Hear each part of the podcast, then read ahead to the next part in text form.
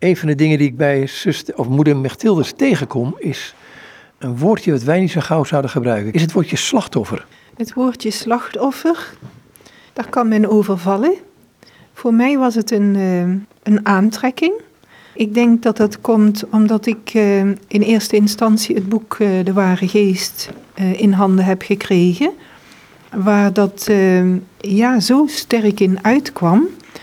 Als ik daar het achttiende hoofdstuk over de verhoudingen van de ziel met Jezus Hostie, mm dan geeft moeder Stichteres daar 24 gesteltenissen aan van Jezus in de Hostie.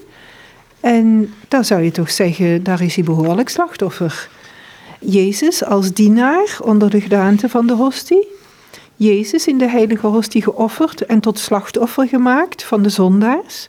Dus de zondaars maken Jezus tot slachtoffer.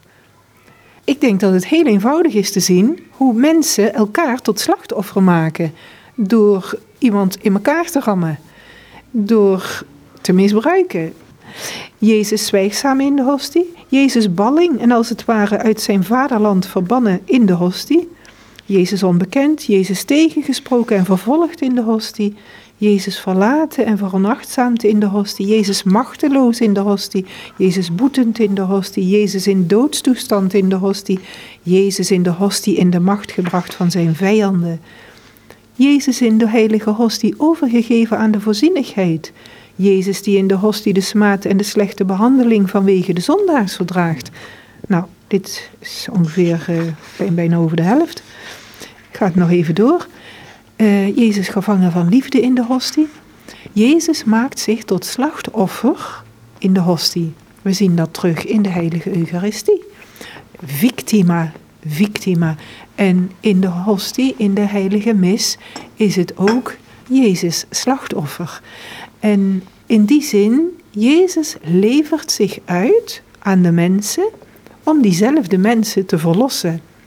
Hij ondergaat de dood, eh, het lijden, de verachting, de versmading, eh, de slechte behandeling, eh, monddood gemaakt, verbannen. Alle kwellingen die je kunt bedenken, heeft hij gehad.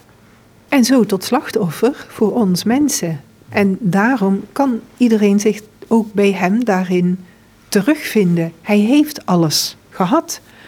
Uh, sommige mensen zeggen, ja, maar Jezus heeft maar eventjes geleden. Dat was maar uh, een dag of zo. En, en, en goed, die, die mevrouw die moet 30 jaar lijden. Maar de intensiteit die Jezus heeft gehad om alles te lijden... en het geestelijk lijden, wetend dat het voor alle zielen is... dat heeft hem intens tot slachtoffer gemaakt. En ik denk, dat heeft mij aangetrokken, als ik dat zo nu terugkijk, dan denk ik dat ik geraakt ben door de liefde die daaruit spreekt dat hij dit gedaan heeft. Dat hij zich tot slachtoffer heeft gemaakt of laten maken. Dat is puur uit liefde geweest. En ik denk dat, dat me dat heeft geraakt om op die manier altijd bij hem te zijn als hij zoveel geleden heeft ja, dan mag er toch wel iemand de rest van zijn leven bij hem zijn om hem te troosten, om, he, uh, om dat goed te maken. Ja, als iemand lijdt, ga je bij hem zitten en mogen maar, maar stil zijn. Dat is voor de ander al, er is iemand bij me. Er is iemand bij me. En zo zijn wij bij hem. Hij is altijd bij ons, wij zijn altijd bij hem. Moeder Mechtilde zegt, dacht ik in een, een van de brieven, um, dat die pure liefde zich ook in het lijden uit in het lijden, uh, in het kruis. Uh, dat dat de pure liefde is. Kun je zeggen dat hij een slachtoffer van de liefde is? Ik denk dat dat de juiste uitdrukking is. Hij is slachtoffer van liefde. Ja. Kijk, het, het is een raar woord natuurlijk in die context. Ja, het is een raar woord. Je zou zeggen het is een slachtoffer van haat en van onrechtvaardig uh, oordeel. Dat is het. Wat Pilatus gedaan heeft, wat leek nergens op.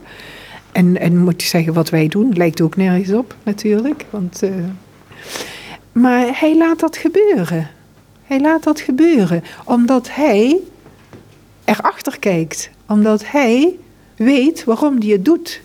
En dat dat door mensenhanden gebeurt, maakt voor hem in die zin niet uit.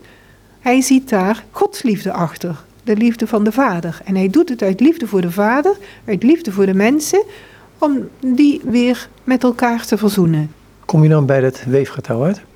Ik, ik denk dan zou je bij dat weefgetouw uit kunnen komen. Een heel mooi gedicht, het weefgetouw, waar God dus aan het weefgetouw zit. En wij zien donkere draden aan de achterkant. We zien, we zien waar er aangehecht is enzovoort. Maar de voorkant, waar God aan het werk is, dat zien wij niet. Je kunt ook zeggen, zijn kleed was aan één stuk geweven. En dat hebben ze niet verscheurd. Ja? Dus ja, eh, je kunt veel uh, linken leggen. Maar wat ik nog hierbij wil aangeven is dat waar we het toen straks over hadden, over die mensen die uh, misbruikt zijn, dat die hierin ook de heling kunnen vinden.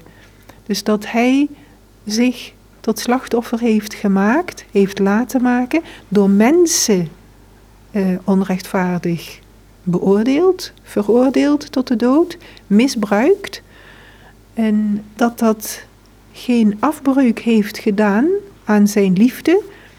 En dat hij door de dood heen is gegaan en het eeuwig leven ons gegeven heeft. En dat mag voor die mensen een, een hoop zijn dat ze er doorkomen en het licht in hun leven weer gaan terugzien. En dat is Pasen en dat is Alleluia. Dat is verrijzenis. Dat is leven.